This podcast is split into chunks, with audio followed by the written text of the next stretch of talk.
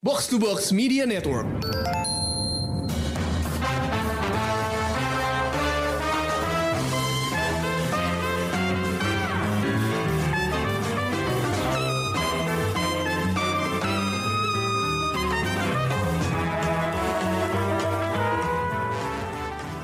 Pendengar Showbox, greetings from the dungeon. Kali ini kita mau nge-review sebuah film fantasy yang lama tenggelam di development hell dan akhirnya tayang juga di bioskop tahun 2023 ini. Betul, kita mereview Dungeons and Dragons Honor Among Thieves. Gue udah dengar tentang proyek Dungeons and Dragons ini waktu sejak masih kerja di majalah film. Kalau nggak salah waktu itu sekitar tahun 2014 ya, seingat gue. Uh, waktu itu dikatakan ada konflik uh, antara studio dan produsen mainannya, yaitu Hasbro. Jadi Hasbro itu uh, company yang sama sama yang bikin Transformers kan. Jadi uh, adalah waktu itu dramanya sampai terus akhirnya gue nggak tahu apa yang terjadi, tapi tiba-tiba di 2016 mulai naik pamor lagi nih Dungeons and Dragons. Alasannya karena dia di feature di Stranger Things. Setahu gue, kalau lo nonton banyak serial atau film Amerika, orang yang suka Dungeons and Dragons itu dianggap nerdy dan gak keren. Pokoknya otaku banget. Yang otakunya level weirdo ya. Jadi gak ada keren-kerennya sama sekali. Tapi sejak Stranger Things, Dungeons and Dragons kayak naik derajat gitu di kalangan mainstream. Anyway, gue sendiri nggak pernah main Dungeons and Dragons. Bukan yang nggak tertarik, tapi karena gue emang nggak punya teman buat main. Karena main Dungeons and Dragons itu harus banyak ya orang-orangnya. Jadi lo harus ngumpulin temen-temen lo, baru bisa main. Dan harus ada satu yang jadi Dungeon Master, dan lo harus bisa cerita. Lo harus bisa nyusun karakter lo sendiri, perjalanan lo sendiri. Jadi itu ribet banget. Sampai nggak emang nggak ada aja orang yang ngajakin gue main atau gue bisa ajak main. Bahkan gamenya pun gue nggak bisa nemuin di Indonesia. Dan waktu gue tinggal di luar negeri pun emang gue juga nggak pernah nemu. Anyway intinya gue nggak pernah ketemu kesempatan untuk main Dungeons and Dragons. Nah kalau kita ngomongin filmnya untungnya karena memang cerita di Dungeons and Dragons itu independen dari aturan gamenya sendiri uh, film ini punya cerita yang terlepas dari game itu. Hasilnya adalah sebuah film fantasy yang sangat efektif dan karakter karakternya memang ikutin pola karakter kelas Dungeons and Dragons, tapi ceritanya emang terpisah gitu. Kalau kita ngomongin karakter-karakter yang muncul di film ini aja ya, itu ada uh, seorang bard yaitu Edgin Darvis diperankan oleh Chris Pine. Terus ada Barbarian Holga Kilgore yang diperankan Michelle Rodriguez. Terus ada Sorcerer dan Half Elf Simon Aumar yang diperankan oleh Justice Smith. Lalu ada seorang druid Doric yang diperankan oleh Sophia Lillis. Dan ada juga Paladin Zank Yendar yang diperankan oleh Regé Jean Page. Dan mereka itu semua berkumpul untuk membantu Edgin menyelamatkan anak perempuannya, Kira yang disandra sama uh, Forge Fitzwilliam yang dimainkan oleh Hugh Grant. Lagi-lagi nih peran yang cukup menonjol ya buat Hugh Grant karena dia meranin villain. Dan Forge ini dibantu oleh Red Wizard, Sofina, yang diperankan oleh Daisy Head. Red Wizard ini nakutin banget karena dia follower seorang Lich. Gue nggak tahu cara nyebutnya sebenarnya. Tapi Lich ini adalah semacam undead creature. Kalau boleh gue terjemahin itu adalah zombie penyihir. Nah, karena itu Edgin, Holga, Simon, Doric harus cari cara buat ngalahin Forge dan si Red Wizard ini. Jadi dari karakternya aja itu udah jelas-jelas Dungeons and Dragons. Tapi ceritanya memang dibuat khusus untuk filmnya. Nah, gue mau nanya aja deh sama Rengga sama Krisna nih yang ada bareng gue. Lo pada main gak sih Dungeons and Dragons? Enggak, gue sih. Untuk tidak. Enggak ya? Karena apa? Karena nggak per, nggak pernah ada yang ngajak main atau emang nggak pernah nemu mainan ya di sini? Eh, dua-duanya. Dua-duanya sih bener. Iya. Itu Hmm. sangat-sangat apa ya? Gue tertarik sebenarnya, tapi begitu pernah ngulik kayak set ini ribet banget ya. Apakah ada orang bisa ada orang yang main di sini gitu? Dari Hmm, dan dan itu kan menghabiskan waktu banget ya kayak lu bisa Iya. malam suntuk buat main gitu doang gitu. Hmm. berjam-jam ya kalau nggak salah kesannya tuh kayak kalau yang dilihat terlihat di Stranger Things tuh mereka seharian main Dungeons and Dragons gitu di basementnya anak-anak itu Iya gitu bener. Jadi makan waktu banget nah tapi kalau filmnya sendiri lo udah pernah dengar Udah kan, ya itu kan ini kayaknya pengembangannya lama banget ya dan development hell ya udah sering denger sih. Mungkin Hmm. terus ya ya mungkin itu dulu gue mikir wah nih development hellnya gara-gara yang film tahun 2000-nya jelek banget juga kali ya. betul banget Jadi ragu gitu. By the way lo harus ceritain Chris film apa Dungeons and Dragons tahun 2000 itu Ya kan dia tahun 2000 udah pernah diadaptasi jadi film kan. Mm-mm. Gue juga ceritanya agak lupa sih, cuman yang gue inget tuh ada Jeremy Irons sama Marlon Wayans aja sih yang main dan itu jelek. Dia tahun 2000 juga kali ya. Ya, pada saat itu memang film fantasi sama sekali belum berkembang ya. Nah, lo di situ sih gue pertama kali tahu nah yang namanya Dungeons and Dragons itu justru dari film itu. oh dari film yang jelek itu ya karena sering diputar di TV ya. Iya gue Iya, juga bener. sih, gue juga itu kayak apa nih Dungeons and Dragons kayak seru gitu. Naga. Iya naga, wow apa nih jagoan segala macam fantasi. Ada gitu. sih naganya. Tapi katro banget sih kalau menurut Hmm. gue. Um, untuk film yang tahun 2023 ini, Honor Among Thieves, eh, lo pertama kali nonton trailernya reaksi lo gimana? Wah, gue pas gue juga awalnya skeptis. Pertama ya itu trauma film pertamanya yang Mm-mm. di tahun 2000 itu terus eh, wah development hell kan kayak susah nih kayaknya nih Eh, ribet nih gitu. Tapi pas gue inget waktu itu gue lupa nonton film apa, terus gue lihat trailernya di bioskop sebelum filmnya Oh. main. Oke oke. Langsung lumayan ekspektasi gue lumayan meninggi gitu kayak wah oke seru gitu, oke fun gitu. Oh oke. Mm-mm. Kalau lo Reng, apakah ada ketertarikan setelah nonton trailernya? Atau lo nonton trailernya sama sekali atau gimana? Gue nonton trailernya langsung kepincut, ah kepincut. Jadi gue langsung kayak, wah kayaknya seru banget nih gitu. Kayak gue sudah apa lama menantikan film fantasi yang tonnya kayak gini gitu. Ringan gitu ya. dari dulu kan sejak sejak sejak Lord of the Ring ada apa kayak semacam tren film fantasi itu harus serius gitu kan Iya. Harusnya Nah, dan Betul, dan betul. semuanya flop Selain Lord of the Ring ya. semuanya semuanya gagal gitu kan iya heeh. makanya begitu ada film fantasi terus tonnya kayak begini tuh kayak wah ini yang gue tunggu-tunggu nih gue pengen tahu kayak gimana jadi ya ekspektasinya ada lah gue Ekspektasi lo tinggi apa rendah untuk film ini? medium Medium. medium rare Heeh. Medium rare. Terus setelah nonton, setelah nonton, setelah nonton gimana, Reng? jauh sih. Bukan nggak Jauh. jauh. sih tapi kayak lebih dari ekspektasi gue gue puas nontonnya. Sangat Oh. fun. Ya Oke, oke. Kalau Krisna, sama. Kayak ternyata filmnya em, lebih menyenangkan dari yang gue kira. Terus ceritanya juga se- nggak terlalu jelimet lumayan ringan tapi masih punya bobot emosi sih menurut gue emosinya sih keluar banget ya, terutama di akhir. karakternya juga menarik kan Ya, betul. Um, jadi lo sebagai lo kan bukan penggemar fantasi banget-banget ya, kayak gua merengga gitu, Chris. Iya. Eh, lo maksudnya reaksi lo terhadap film itu sebagai bukan penggemar fantasi, Mm-mm. apakah menantikan dengan antusias atau cuman penasaran aja? yang ini gue lumayan antusias sih kayak gue bilang tadi eh, Ah.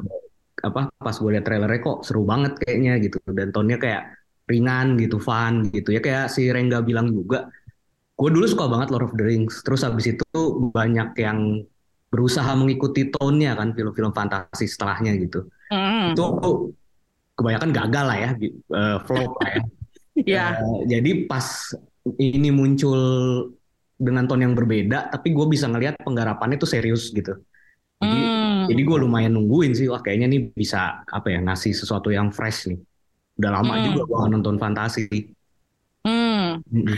Kayaknya kalau fantasi itu genre yang susah-susah gampang ya Iya. untuk di Iya, dibuat betul. gitu. Heeh, heeh. Hit Maka and miss sih itu- sebenarnya ini tuh. Iya, hit and miss banget gitu. Heeh. Bahkan Rings of Power aja kita banyak misu-misunya ya, Rek. Betul ya. Maksudnya udah sekelas Rings of Power yang udah levelnya di Lord of the Rings gitu. Kita masih punya ada komplainannya, ada yang nggak sereknya gitu. Meskipun Hmm. ada sisi positifnya juga gitu. Makanya gue langsung kaget waktu tahu film ini disutradarain sama Jonathan Goldman dan John Francis Daley. Mereka tuh sebelumnya baru pernah nyutradarain satu film doang, Game Night. Dan mereka lebih terkenal sebagai penulis naskah. Eh, Homecoming, kalau nggak salah Spider-Man Homecoming itu mereka yang nulis. Sekarang mereka harus nanganin proyek sebesar Dungeons and Dragons. Ini gimana menurut lo tentang keterlibatan mereka sebagai sutradara di sini? Nah, gua terma apa yang gue bilang tadi ekspektasi gue lumayan tinggi. Itu salah satunya setelah gue tahu sutradaranya ini yang bikin Game Night. Karena gue suka banget Game Oh. Night. Nah, Oh gitu, Iya. oke, jadi oke. gue makin membayangkan sebuah film yang seru gitu, yang fun, yang lucu gitu, yang pas gitu, efektif ya. Ternyata penyutradarannya efektif sih menurut gue kayak ya komedinya pas, petualangannya pas, terus karakternya menarik semua, terus dunianya juga sih, dunianya juga memikat sih Hmm, buat gue. Iya, world buildingnya bagus banget sih kalau menurut gue. Eh, Iya. Tapi tetap Mm-mm. aja ya, Chris, gue kayak Iya. pertamanya mikir ini agak mismatch gitu. Karena game night itu sama sekali bukan Iya fantasi sih. kan, dia kayak Iya. adventure biasa aja gitu. Eh, Hmm. ini lo nggak kayak nggak takut ya bahwa mereka akan salah handling atau gimana gitu? Hmm, karena udah lihat trailernya kali ya, jadi Oh. Udah ada ekspektasi ya. sih gitu. Iya. Hmm. Kalau lo Reng gimana Reng? Maksudnya ini kan bukan dua nama yang apa ya, yang kerap diasosiasikan dengan fantasi gitu. Eh, gue idem sama Krisna. Game Night itu Oh. film favorit gue sama Bunga tahun 2018. Salah satu ya. One off. Oke. Iya. Suka banget waktu gue tuh gue masih masih nonton di bioskop berdua sama dia. Terus Hmm. nonton itu kayak ngakaknya gila-gilaan banget sih itu film parah. Terus gue awalnya nggak tahu eh, sutradara itu mereka gitu. Pas nonton trailer pun kayak wah seru nih. Begitu tahu sutradara mereka kayak ekspektasi gue naik gitu kayak pasti konyol nih film nih, pasti lucu Oh. gitu kan. Terus ternyata bener banyak jokesnya tuh yang lucu gitu beneran. Dan dan, dan dan game night itu kan sebenarnya adventurous banget ya. Ah, Iya, bang, iya, banget. lumayan. Nah. Di sini itu kelihatan tuh ininya mereka, apanya ya, keahlian mereka yang dalam mana iya, itu menurut gua hilang di film-film fantasi sebelumnya. Ah, Film-film sense of fantasi adventure itu ya. Betul, se-adventure itu adventure apa Hmm. point adventure-nya itu yang seru banget di film ini menurut gua. Bahkan Hmm. kalau bisa dibilang porsi actionnya nggak terlalu banyak ya. Nggak, nggak banyak sama Iya. sekali. Nah, iya kan? Nah, porsi adventure-nya itu yang bikin gua seneng banget nonton film ini. Itu yang itu yang menonjol banget. Oh. Dan itu berhasil sih sutradaranya ini berdua ini. Mungkin karena gue eh, kenal John Francis Daley itu sebenarnya dari serial TV ya. Dia jadi aktor recurring karakter di Bones, serial Bones. Jadi gue masih agak-agak agak apa ya, agak meremehkan jujur aja. Tapi setelah Dungeons and Dragons ini, gue yakin banget mereka bisa siap untuk menangani apa pun gitu. Karena ternyata eh, nggak tahu ya, gue merasa kalau misalnya ya dibandingin duet sutradara lain, kayak Russo Brothers gitu, gue rasa hasilnya nggak akan kayak begini gitu. Jadi Iya. gue merasa eh, Jonathan Goldman dan John Francis Daley orang yang tepat buat nanganin proyek ini akhirnya gitu. Tapi gue baru merasakan hal itu setelah gue nonton filmnya. I have to admit, maksudnya I'm sorry, gue gue game night nggak pernah nonton di bioskop dan kalau nonton di apa namanya di tempat lain itu biasanya separuh-separuh gitu. Jadi mungkin itu juga kenapa gue nggak terlalu tinggi ekspektasi gue gitu. Tapi ya nggak apa-apa lah, maksudnya ternyata they can do the job gitu dan bahkan mereka bisa melakukan tugasnya dengan baik gitu. Um, yang lumayan mengejutkan juga bagi gue adalah castnya. Hmm. Karena ternyata banyak banget aktor Amerika di sini yang muncul tiba-tiba mereka punya logat Inggris gitu. Itu itu jarang banget kan Iya. terjadi orang Amerika berlogat Inggris kecuali kalau lo Gwyneth Paltrow gitu main di Emma gitu misalnya. Sementara ada satu aktor Inggris yang muncul mencari perha- mencuri perhatian cuman sedikit scene-nya gitu. Nah, kalau bagi lo penampilan siapa yang menyita perhatian lo di Dungeons and Dragons ini? Itu Eh, dong. Apa? kalau- Mas Mas ganteng itu dong. Reggie. Reggae Reggae Page. Si aktor Inggrisnya yang asli ya, Iya. si asli Inggris ya. Kenapa dia, Reng? Ah, ya nongolnya bentar kan sebenarnya nggak lama kayak cuma berapa menit gitu tapi kayak menyilaukan gitu asli menyilaukan Bener-bener. kayak wah anjing ganteng banget nih orang gitu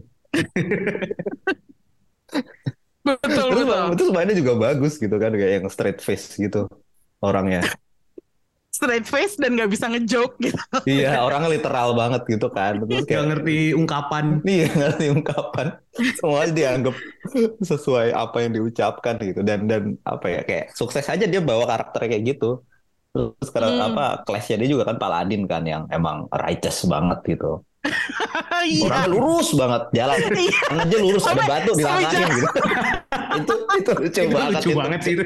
itu lucu lucu banget itu emang adegan sampai sekarang masih gue inget-inget dan selalu ngakak kalau gue inget. Ya Allah. Terus, itu sih karakter um, ya gini sama ini sih kalau gua si Sofia Lilis ya lucu banget Oh, Sofia Lilis ya. Si ya walaupun dia eh, Dorik Dorik. Walaupun selalu ada Hmm. di background tapi lucu aja dia tuh gerak-geriknya kayak awkward awkwardnya terus Hmm. interaksi sama si siapa siapa namanya Simon. ya masih Simonnya kan cukup ini tuh cukup lucu Hmm. Oke. Kalau gue tertariknya malah sama si Simon ya. Si Hmm. Justice Smith. Justice. Karena eh, gue waktu itu ngeliatnya di film Pokemon dan abis itu gue nggak pernah lihat dia lagi.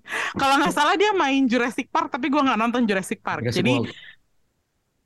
Oh iya Terus dia sama udah nongol ya. Hmm. Iya, terus udah gitu dia tiba-tiba muncul di sini dan logatnya pakai logat yang di Inggrisan gitu. Dan ini bikin gue takjub kayak hah? Siapa sih ini dia? Gitu. Gue sempat mikir ini aktor baru apa gimana ya? Tapi ternyata dia Justice Smith. Terus udah gitu gue yang biasanya kalau di film-film eh, yang ada grup gini karakter dia tuh kayak dibuat Iya. paling konyol kan. Dan Iya, biasanya iya. tuh nyebelin. Gue kayak biasanya paling gak comic suka sama relief ya karakter, jadi karakter dia eh, Iya, comic relief yang rada annoying gitu, over the top gitu. Tapi nggak taunya dia bisa ngimbangin Chris Pine sama Michelle Rodriguez gitu. Gue, wah, gue kagum banget sih sama Simon dan Justice Smith di sini. Makanya gue agak-agak, eh, wow, gue nggak menyangka dia ternyata he's that talented gitu. Kalau Krisa yang lo sebenarnya suka sama sih siapa, si Chris? eh, PJ karena biasanya kan gue tahu dia kan awalnya dari Mhm. itulah ya eh, Bridgerton kan Lo nonton Bridgerton nonton sih kan di situ kan di situ kan dia charming gitu kan sementara di sini ya charming juga sih cuman apa ya ya polos kayak polos gitu gak sih kayak kayak lurus Iya. banget gitu Iya, iya, iya. iya.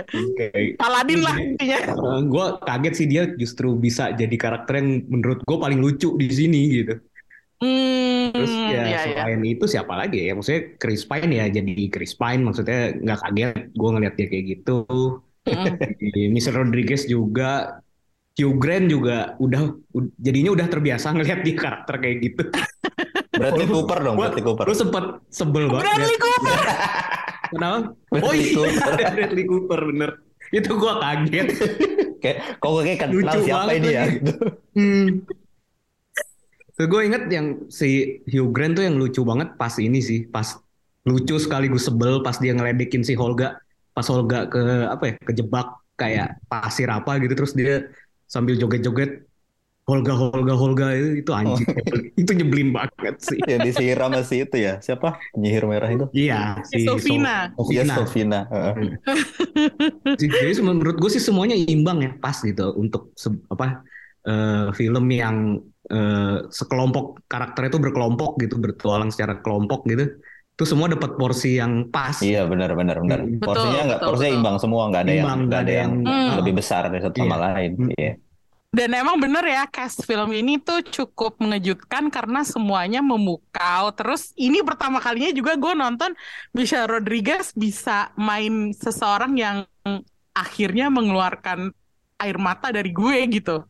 Maksudnya dia Oh. dapat cerita yang menyentuh dan Iya. cara dia mainin adegan emosional itu tuh porsinya pas, nggak berlebihan tapi nggak kurang juga gitu. Dan dan ini nggak keluar dari tone filmnya tetap. Iya betul. Nggak Jadi over em- dramatik juga gitu. Iya, jadi emang castnya tuh chemistry-nya bagus ya kalau Bagus dilihat-lihat. banget ya. Bagus Uh-uh. bagus bagus. Bahkan si Red Wizard-nya itu si Sofina. Daisy, ya Oh, si ya. Sofina yang diperankan oleh Daisy Head.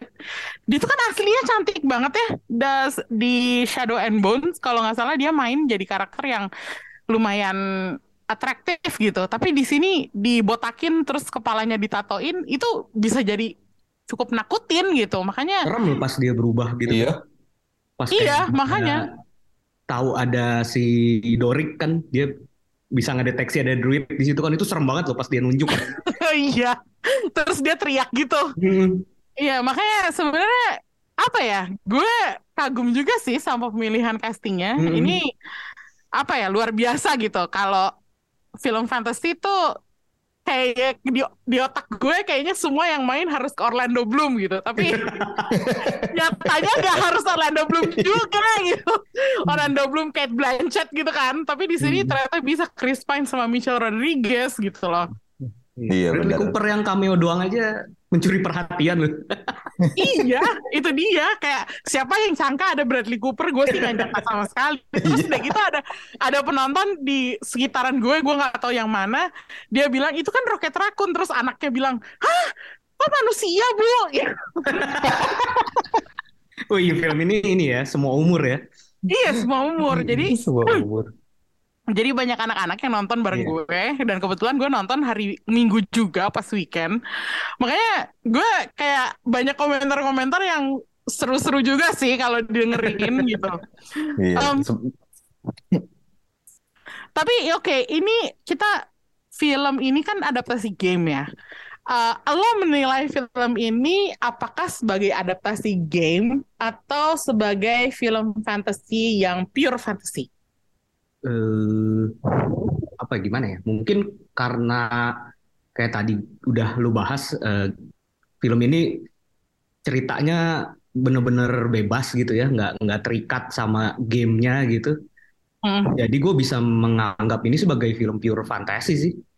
Hmm, oke. Ya itu itu sih itu yang gue iniin sih ya, yang Mm-mm. gue nilai juga gitu. Cuman gue nggak tahu kalau misalnya orang udah main gamenya, apakah Nah, akan ya. menganggap ini sebuah film adaptasi game gitu loh. Mm-mm. Karena Mm-mm. ya gue nggak tahu sih fandomnya Dungeons and Dragons apakah seloyal itu atau enggak gitu.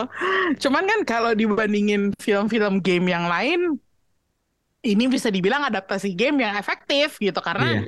Ceritanya bisa bikin sendiri gitu kan. Iya. Nah, kalau eh, gimana Reng? Kalau menurut lo ini film game atau film fantasi aja? bisa bisa dua-duanya sih menurut gue ya. Soalnya kalau bisa nggak dibilang adaptasi game tapi ada gamenya gitu. Hmm. Tapi kalau dibilang adaptasi game tapi gamenya juga begitu gitu gimana ya?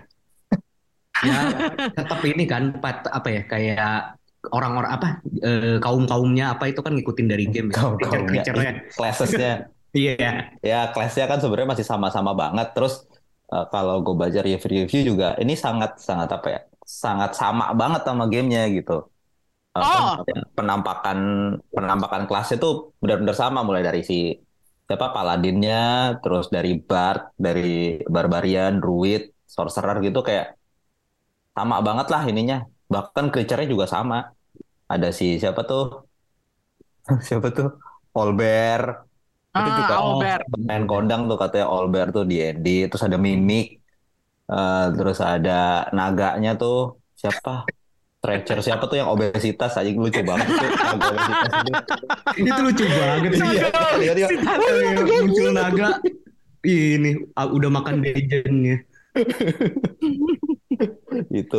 Jadi kayak kayak eh, sah-sah aja kalau dibilang ini adaptasi game yang cukup bagus gitu karena emang ada gamenya. Tapi sebagai sebuah film yang fantasi yang berdiri sendiri juga oke.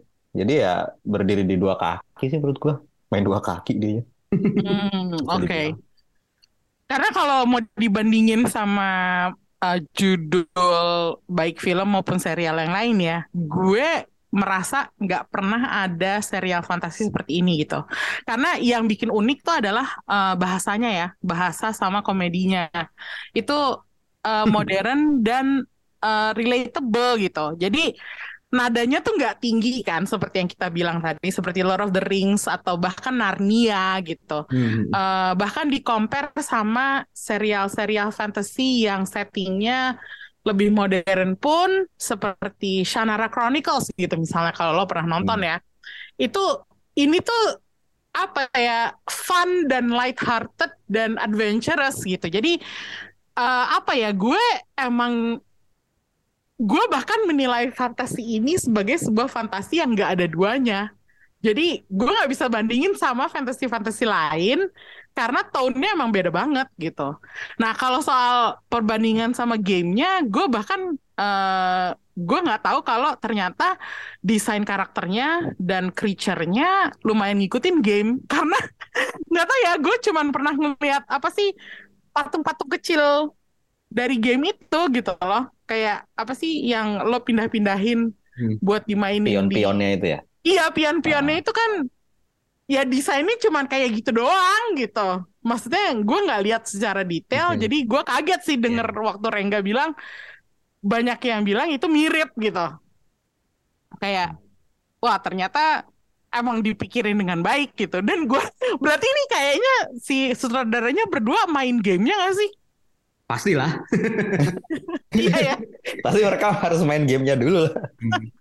Kayaknya sih kayak- tahu. eh, emang mereka tahu banget sih tentang Dungeons and Dragons gue rasa. Hmm, iya ya. Game Night juga tentang game kan. Jadi gue gue rasa eh, Iya, iya. maksudnya mereka emang suka main eh, game ngumpul, main game gitu berarti kan. Hmm, iya. Um, anyway, ini selain daripada kemiripan ke gamenya, aspek mana lagi dari filmnya yang bekerja dengan baik buat lo? Pertama sih jelas dinamika karakternya sih. Oke. Ya, itu menyenangkan banget. Ya kayak tadi udah dibahas juga semuanya porsinya pas sama gue juga kaget sama dunianya un- apa ya? Dunianya tuh fantasi yang oke menurut gue kayak kan banyak adegan landscape gitu kan. Berkuda, landscape tuh kan fantasi banget ya. Hmm, Dan di sini tetap bisa ngeluarin yang landscape itu memukau gitu, yang ini bukan di bumi gitu. Itu gue suka Hmm. banget sih. Mm, Terus apa lagi? Konsistensi tone-nya juga sih gue suka. Iya, dari awal sampai akhir nggak pernah kendor ya Iya. tone-nya itu. Mm. Heeh. Oke, kalau Rengga apa aspek yang lo menurut lo berhasil di layar? Nah, ada beberapa sih menurut gua. Ini kayak eh, pelajaran pertama buat film fantasi ke depan itu kayak ini. Don't take itself so seriously lah. Betul. Buat film fantasi gitu kan. Yang Hmm. bisa bikin film fantasi serius, serius tuh cuma Peter Jackson doang. Gua ini nggak ada kayak. Jadi kayak ya udahlah nggak usah serius-serius bikin film fantasi ini tone udah enak banget nih film ini gitu. Hmm. Maka jadi fun banget gitu. Terus eh, akhirnya gue bisa melihat ini landscape dunia luar karena aku sudah bosan dengan CGI. Oh, terlihat real berarti. Iya, real banget kayak seger banget. Aduh, beneran nih di luar ya syutingnya. Hmm, iya, Gak iya. pakai background CGI gitu. Itu. Terus practical effect. Wah, itu enak banget lihatnya. Hmm, Fresh banget gitu. Kayak gue bisa lihat nih banyak banget practical effect yang dipakai nggak bukan bukan CGI ya. Hmm. Kayak Ya. si siapa tuh? Creature ya terutama ya. Preacher-nya sih itu tuh siapa sih burung si Jarnatan itu yang itu tau banget sumpah. Gue gak nyangka loh bakal kayak gitu. Gue pikir temennya atau gimana, Gue pikir temennya. mau dimanfaatkannya begitu. gua. Terus ternyata udah dibebasin lagi. Iya. Sumpah itu jahat banget itu. itu ternyata uh, fully practical effect. Jadi intinya si sayapnya tuh bisa kebuka terus terbang kayak terbang gitu. Iya, itu keren ya, sih. si ya itu scene-nya. Terus yang ada walaupun cuma sekilas tuh kayak makhluk yang kayak kucing itu juga ada tuh tuh. Oh, yang yang dibebasin sama si karakter Reje. ya? Iya, yang anaknya dimakan ikan. itu Random banget lucu tiba-tiba banget dibuka sih. ada anaknya. Itu random banget sih. Itu kan ba- banyak-banyak hal-hal kecil kayak gitu yang sebenarnya apa sih tuh lucu gitu loh. Iya. Ikannya juga terlihat real sih, bukan Iya, kayak animatronik gitu ya, bukan Iya, ini, bukan CGI gitu. Betul, padahal kan kayak gitu sebenarnya ah si Jaya aja gitu kan. Mhm. Si Jaya aja gitu. Tapi ini kayak effortnya tuh dibikin apa? Effortnya gue acungin jempol sih hampir semuanya itu banyak banget yang pakai practical effect gitu. Dan kalaupun itu ternyata bukan practical effect, kayak lo nggak bisa ngelihat itu palsu gitu. Jadi Betul, flawless. feel-nya feel-nya lumayan iya flawless dan asli jadinya gitu. Iya, ha. walaupun emang ada beberapa CGI yang kelihatan kurang mulus tapi kayak ah ya udahlah ya gitu. Hmm, Bisa ditoleransi. Bisa ditoleransi yang ada si siapa sih? Eh, wah adegan ini nih, adegan yang si Doriknya kabur. Wah, itu keren banget itu. Wah itu keren banget itu. Terus Keren one shot itu. kan, Heeh. single shot tuh sampai dia keluar jadi jadi apa? Jadi rusak. Mm-mm. Hmm, iya itu bagus banget sih. Iya. Sebenarnya ada adegan CGI yang kalau menurut gue agak kacrut tapi hasilnya lucu banget. Yang waktu si eh, Edgin Darvisnya pura-pura mengelabui penjaga istana pakai dia pakai nyanyi, Nyanyi-nyanyi. itu terus tiba-tiba dia meleot gitu. itu gue rasa emang emang dibikin jelek sih karena kan Iya, emang kayak dibikin si- jelek. Karena iya, itu kan nunjukin ini si Simon belum jago-jago banget kan. Maksud gue bahkan yang kayak gitu aja terlihat fake tapi efeknya jadi lucu banget gitu. Iya, Iya. Itu adegan ini sih parah sih. Maksud gue kayak gue ketawa sampai nangis sih pas ngeliat Kalau adegan ngomongin itu. adegan lucu banyak banget sih ya. Banyak banget. Iyalah. Yang adegan di- kuburan itu Iya yang mayat-mayat Iya, itu banget. gila. itu gue kakak banget. Walaupun gue udah nonton ini ya, udah nonton klipnya ya, tapi gue nonton bioskop tapi masih lucu gitu. Lah orang kita ngomongin sekarang aja yang masih lucu gitu. terus, kayak- terus berapa kali gitu harus harus ngelilingin kuburan dulu baru nemu. Tapi itu lucu sih maksudnya. Dia dapat nama baru itu prosesnya lucu kan dari cerita ini terus ternyata Kayak dia udah mati terus dia ngasih ke siapa itu lu- lucu sih. lu si fan ini bukan Ghost fan, oh itu abang gue. Apa kayak ah. Balik lagi. itu ketololan yang apa ya? Yang yang kayak gitu yang dibutuhin sama film-film fantasy gitu. Iya. Untuk apa ya? Kalau lo mau stand out, lo mau berhasil, lo harus punya tone sendiri gitu. Nggak boleh ngikutin Lord of the Rings terus. Hmm, betul. gitu intinya. Kalau gue sih suka sama action sequence ya, meskipun nggak banyak, tapi entah kenapa setiap ac- action sequence tuh dinamis banget. Kayak si Holga gitu, dia fighting nggak selalu pakai pedang atau senjata, sekalinya pakai senjata tuh pakai kapak gede banget gitu. Tapi bahkan eh, tanpa senjata pun dia tuh keren banget, dinamis gitu. Dan waktu terakhirnya, waktu Holga eh, sama temen-temennya semua itu berkumpul untuk ngadepin si Sofina Red Wizard itu sequence keren banget sih. Oh Jadi itu iya. Oh iya iya iya. Final Yang berat- iya yang Ah. tiba-tiba ada tangan gede gitu Iya, adu tangan.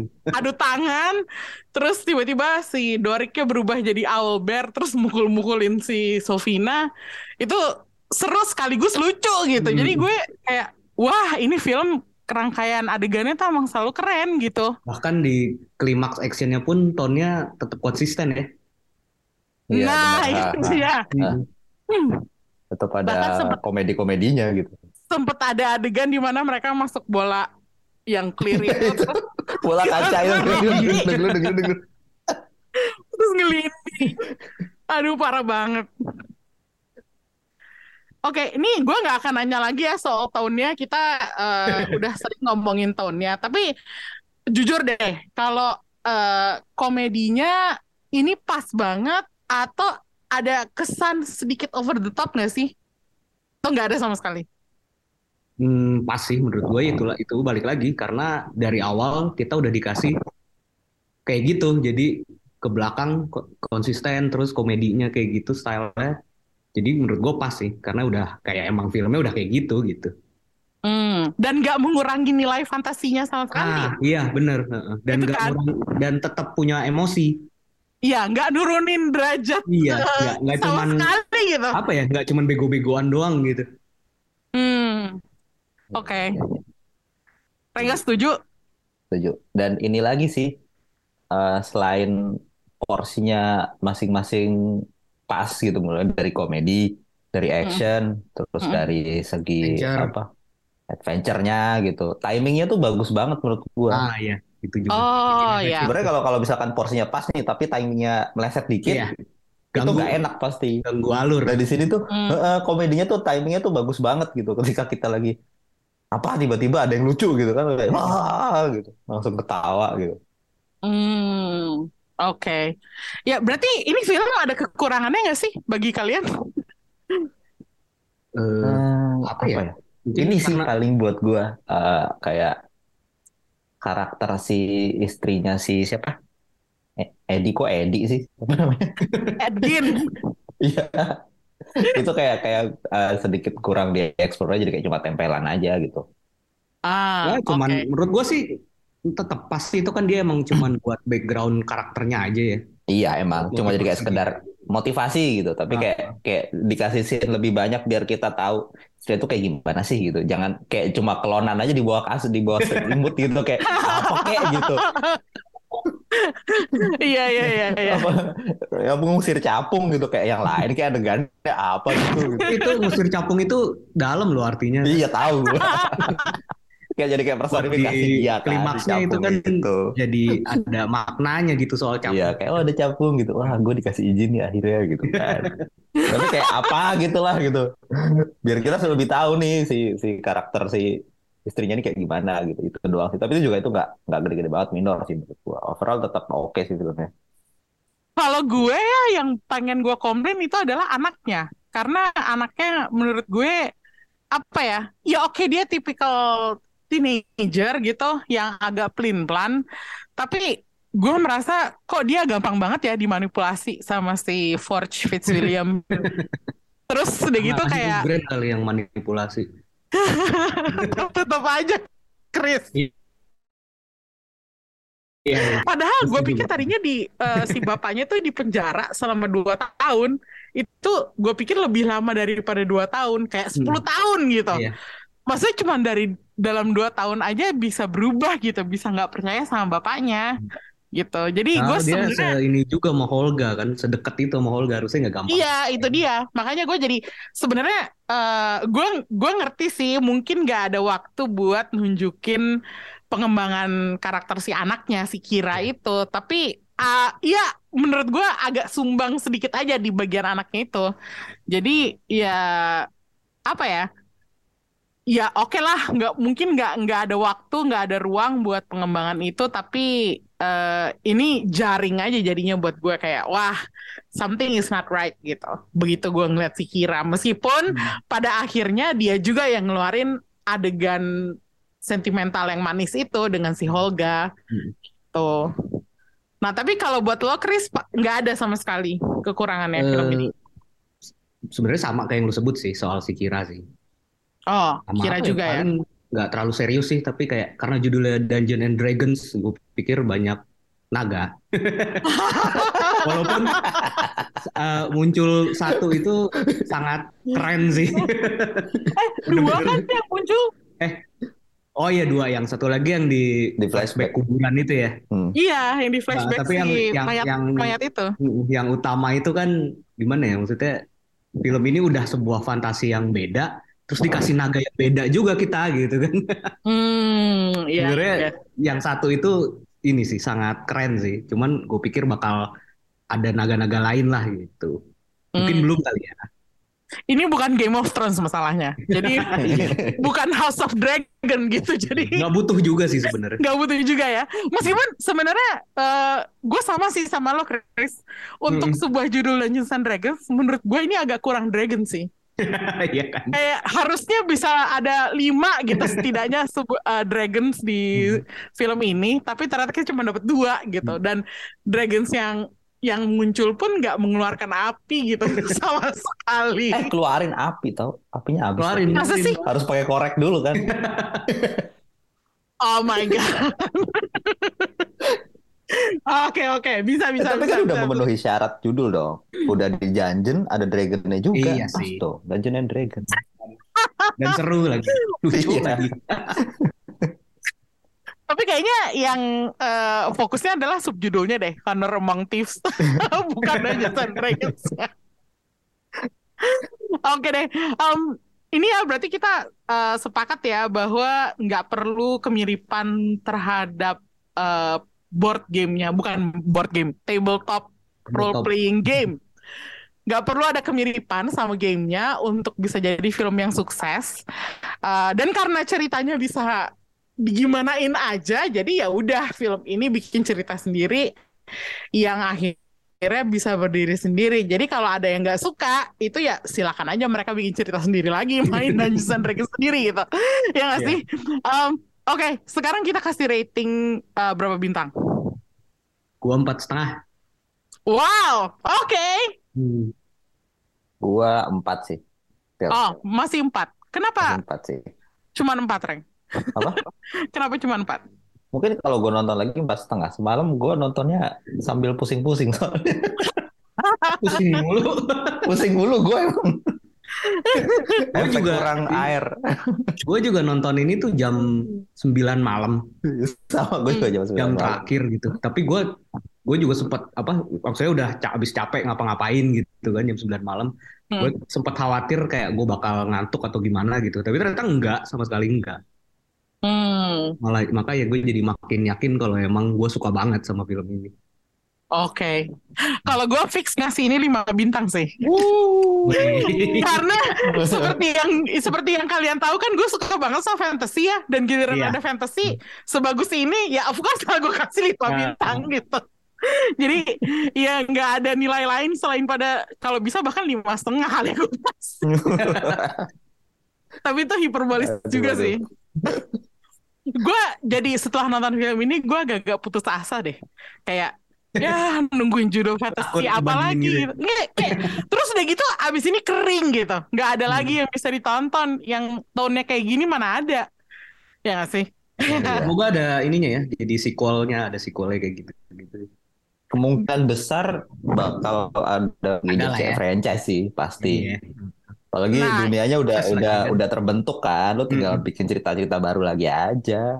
Dan serunya kalau bikin sequelnya ceritanya nggak harus nyambung-nyambung banget kan? Betul. Karena Iya. bisa dibikin cerita apa aja gitu. Iya, heeh. Apalagi Hasbro. Nah itu dia. Iya lah mereka nggak mau kehilangan duit, tinggal ju- bikin film, jualan mainan laku, laku, laku. Iya. Semoga ini juga akhirnya nanti di film selanjutnya si Seng Yandar lebih banyak Iya, mungkin dia bakal dapet ini sendiri, bakal- dapat party cerita sendiri. sendiri. Iya. Spin off-nya jadi Sengkiandar ya. jadi Iya, karakter utamanya si Paladin gitu. Kayaknya Masih kita nggak banyak ini juga kan kelas-kelas yang lain yang belum tereksplor pasti ada nanti. betul apa Hmm. eh, Potensi gede banget nih ya. Mm-mm. bahkan gue agak nggak nyangka loh yang dijadiin eh, pemeran utama di sini karakter utamanya adalah seorang bard karena Hmm. kalau di fantasy itu bard itu ya Karakter paling nggak penting sebenarnya. Kurang Iya, menonjol. nggak penting gitu, kurang menonjol gitu. Kayak apa ya? Ya kalau warlock gitu, itu kan apa? eh, lebih ini ya, lebih ada pamornya gitu. Hmm.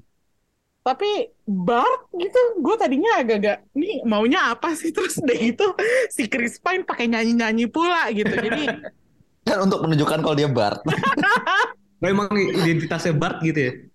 Iya, jadi kalau kalau Bard itu fungsinya kalau di uh, RPG itu dia ini nyanyi untuk, untuk menyemangati teman-temannya.